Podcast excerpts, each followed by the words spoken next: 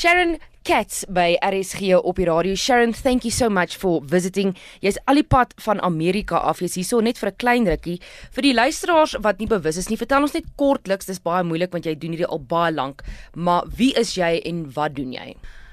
Well, I was born in Port Elizabeth. I'm a PE girl. Uh, born and bred in PE, and um, I was a musician my entire life, all my life. I played music, and I was fortunate to travel to America to study to become a music therapist. And I trained in Philadelphia, which has become my second home away from South Africa. But uh, so I was out of the country for many years, performing, studying, working as a music therapist. And then when things started to change back at home, I came uh, after the release of Nelson Mandela. I really wanted to be a part of it. I was very homesick. And I came back to South Africa and I mounted this project bringing children together in Durban called the Peace Train. Now we're going back. Yeah. this is 93, right? Yeah. 93, December 93. It's, I mean, it's really hard to, to imagine that so many years have gone mm. past so quickly. Um, just like a, it's unreal. It's really unreal because I feel like I'm just the same person playing music, sharing the love, you know, through the medium of music so we had the Peace Train tour, which was really monumental, and um, we 20 years later actually a documentary was made about this project and it's on film now. It was distributed worldwide. It's called when voices meet. And we won a lot of awards for that film. And i think it was mainly because of the story. And the story was just about what we did uh, with the peace train which is really just to unite people to say okay things are changing, change has come. Let's figure out how we're going to make this work and how we're going to live together. And I think being a musician all my life, I've always met so many pe- people from from so many different walks of life. And in fact, I wanted to mention a shout out because I, there are a lot of Afrikaans singers that I really respect, like like Karen Zoid and um, Johannes Kerkorrel. I, I love their music, you know. So being a musician, you just you get to the essence sometimes of it's it's about the music and, and the joy that, that we can share. So the, the Peace Train was a very successful project, a beautiful project, impacted on many, many thousands of lives. And the children are now grown up. And we had all kids. We had Afrikaans speaking, English speaking, Zulu, predominantly Zulu speakers uh, uh, from the black community, because we, we mounted this project um, from Durban. So, um, and um, I want to stop you there. You yeah, keep on yeah. referring to we. Please tell us about the other musician that oh, is yeah. with you. Well, Nonhlanhla, Nonhlanhla Wonder. When I say we, I've gone back with her since to day one, and we are the best of friends. We come from such different backgrounds that, but we're tight. We really Music tight. Brings she's, you together. Yeah, she's a Zulu. Um, she's a teacher and I think maybe because I'm a therapist and she's a teacher, we had that same kind of heart mm. for the community. So it bonded us. But musically, we, we hit it off from day one. And we just recorded a new CD last year. It was released. It's mm. called Side by Side. And sy woon nog in Durban. Yeah, um, she's been to America several times to, to tour with me. She came when the tour, we had a, a tour in 1995. We, we brought 45 members of the Peace Train um, to America for a five week tour. It was amazing, really amazing. And so Nonhlanhla was on that tour, and she's been several, several times. The last, since 2015, she's come every year. Mm-hmm. We've just managed somehow, don't ask me how, because it's always about getting friends and sponsors. And um, I've lucky I have I have built up a following, you know, in the in the states. Um, I wouldn't say it's enormous, but it's it's enough. You know mm. what I mean? I'm, um, I've got fans. In fact, I've got 25 fans coming down to do a tour here in Wonderlik. South Africa. Ja, dit is hoekom jy nou weer in Suid-Afrika is, is ja. is vir hierdie vertoning. Ja. Nou ja. wat grootliks oor um, the Peace Train gaan is die koor aspek daarvan. Ja. So jy's nou hierso, jy het nou ja. van Amerika af hiernatoe gekom, nog Santla is hierso. Ja. Hoe het julle geoefen? En vertel ons 'n bietjie van die koor wat wat ook deel vorm hiervan. Ja, die koor, maar die koor is a it's a moving target, you know. ja. Because back in the day we had a big choir, 500 voices. Right now, all these children they grew up, you mm. know, but they toured with us at that time for about six, seven, eight years. Not all 500. Yeah. Yeah, so at that time, you know, we did keep the choir together and we had a core group of about 30 that traveled to America, and we we were here so often at SABC doing various different performances with Dali Tambo and you know all mm. these different um, Felicia Mabuza Suttle back in the day, um, all these things, Mnet and SABC. But then I moved, I had to go back to the US and just continue with my work and my career and frankly pay off the bills from the peace train. because, yeah, you go out on a limb when you do these things, you take a lot of risks. And, um, you know, borrowed a ton of money, you know, just had a long line of credit on my credit card mm. too. So we, we really had to pay off. And while you do get sponsors, it's an expensive game, the music business. Um, anyway, I ended up staying and touring, starting a new band. And then um, those choir members grew up. And the film, the documentary, When Voices Meet, is actually the story told by the young people that are now grown up because now think about it, they're now in their 40s, you know, they've got their own kids and they all have their own professions and they're very successful. So they've got a great story to tell. Mm. They really do. And now, choirs, the question about choirs, I'm working with a lot of different choirs. I'm actually working with a huge choir in Mexico, Tijuana, Mexico, because my base is Philadelphia, so it's easier for me to travel to different places and I'm going to sing in a big performance with them in June. And actually, going to be 2,000 kids. I'll be involved with that choir. And you know, I work with the choir directors, and that's how we rehearse. They teach the songs, and then I come in enough time to rehearse. When it comes to the show now, like on, on next Saturday, Nonhlanhla, we just came back from the tour, you know. So she was with me.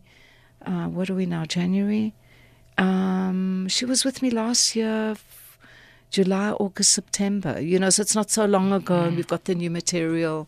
And we'll have a rehearsal when she gets here to Johannesburg. En dan wanneer jy toer, is dit net die twee van julle of het julle dan kore wat ook saam met julle gaan nou? Ek praat nou tans. Um at the moment we we're going to be performing with a band, but when mm. we get to Durban, that's when we'll have a choir mm. because we we work with Nonhlanhla School. So the choir's in place yeah. and she teaches the choir, you know. So wherever there is a choir, like later this year, I'm going to Cuba to do up a, um, a production, and I've sent the music, and the choir director will teach mm. them the songs. And when I get there, I'll tune them up mm. and teach them the movements. And you know, it's a big production. Peace Train's a big thing. It's you know, it's very vibrant. It's really vibey, and some of the music, it's rock. Some of it, I like to use a lot of different genres. Mm. Ja, vertel ons bietjie van die musiek. Jy sê nou jy gebruik die genre van rock. Kom vertel ons van die tale en waarin jy sing. Is dit ja. Zulu, Engels ja. en um watse ander genres en skryf jy alleenlik die musiek of skryf Nonhlanhla saam met julle in die instrumente en so aan? Ja, ek skryf alleen, maar as soon as I've got something, then I like to share it with the band members and get their feedback and I I kind of like to get a start, mm. you know? But the only person that I really write with is Nonhlanhla. Mm. When we're together we like fire, you know, we don't sleep, it's crazy. We just create and we, we we just come up with songs and she's got a lot of traditional Zulu style and I'm I'm a guitar player and I'm a producer, so I know how to to work it, mm-hmm. you know, to put the music together. And then the third complement is is my adopted son Malcolm. He's another story all on his own, Malcolm Kleko. Um, and I met him. He was living in a home, in a children's home in Durban and he'd grown up like in a rural area and yeah quite a story but today he's in the US he's a um, sound engineer for Ladysmith Black Mambazo oh, wow. got a big job so very successful young man and a f- an amazing, brilliant producer. So when I when I work when we work with him, it's fire. It's great. It's mm. so yeah. That's from that point of view. And then the genres. Since I've been in America, I've fused quite a bit of jazz and funk into the sound, and it's it's almost not like one genre, but people call it world music. You know, to me, world music it's just such a huge category. Mm. I guess if it's it's more African music than anything mm. else, mm. you know, and then it have, I have rock and jazz and funk in, inside there. Ja, dis dis jou Afrika wortels ja. met jou invloed van Philadelphia en die res van Amerika. Ja. Nou jy ja, het nou gepraat wortels or roots, right? Ja, roots. That's ja. a great word, ja. So jy het nou gepraat van later in die jaar wat jy Mexico toe gaan en dan ook ja. Cuba toe om saam met um die kore te werk, maar jy toer oor die algemeen vreeslik baie. Ja. So wanneer jy toer, is dit met jou beroep as 'n musiekterapeut of is dit as musikant? You know, it's really hard. I think at heart I'm really a musician, you know, because I I use music to communicate. But I think, you know, the music therapist part is it's a powerful part of me now because I you know, when I work with people, I, I, see to their soul, you know, and I'm I'm sensitive to people. I try to be anyway, as best as best as I can. And so I use music therapy, but without thinking about it, if you know what I mean. When I'm working with children, definitely the music therapist comes out because children are children. You you have to make them happy. You have to understand them. And um, I do a lot of projects where we we with children. I'm doing more and more. Like this whole year, I've got. I'm actually working very, very hard right now to raise funds for for kids to come from South Africa to Cuba because I just, you know, I enjoy it so much. And the, the audiences enjoy a children's production.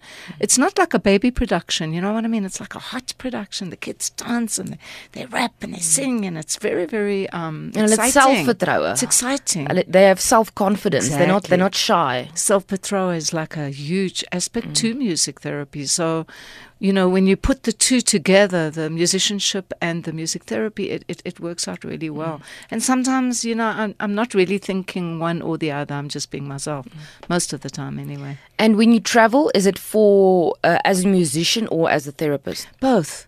Both, mostly as a musician though. I mostly get invited to do gigs, to do performances, mm. festivals and clubs and and then the bigger projects are the ones with children, but those are the ones where you really have to figure you've got to put your head together and mm. and plan those and raise money and get get grants to do that kind of work. Mm. Like this last year we did a project where we we crossed the border at um, San Diego, United States, into Mexico. And you you know from the news that there's, there's no wall yet. I'm joking. You know, the funny there are walls. I mean, yeah. there are plenty of walls. And why we need another, another one, wall. Mm. nobody can quite figure out. And but we're not going to get too crazy on politics here. But um, I think you can probably figure out where I stand. Yeah. But we did a a parade across not a not across the border as such, but we, we went across the border. Mm. And then when we got with about 50 musicians and American musicians and families, and then, and Nonhlanhla came for that as well.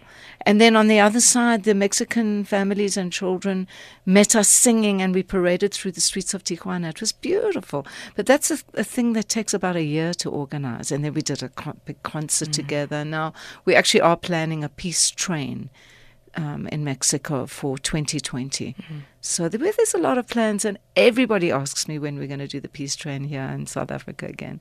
I always get that question, but you know, it's, it's finance. Mm-hmm. It's that's the thing, but it's never off the charts. Mm-hmm. Sharon, and when you go back to the States, if our listeners want to follow you uh, on social media, are you active? Do you have a Facebook account? Yeah. Where yeah. they can see what you're busy with, new projects, and of course, when you will come back to absolutely, South Africa? Absolutely, absolutely. Yeah. First of all, you're going, I'm going to be here for actually two and a half months. Okay. And I'm performing in Durban and Cape Town, and then I'm doing a tour through the Eastern Cape, and, and then I'm, I'm going to be just having some nice time just to be with family and friends here. But you can find me at sharonkatz.com, my, my, my website, and on Facebook, you can find me at Sharon Katz and the Peace Train. That's the easiest one. And mm-hmm. YouTube, and yeah, we're all over the so- social media.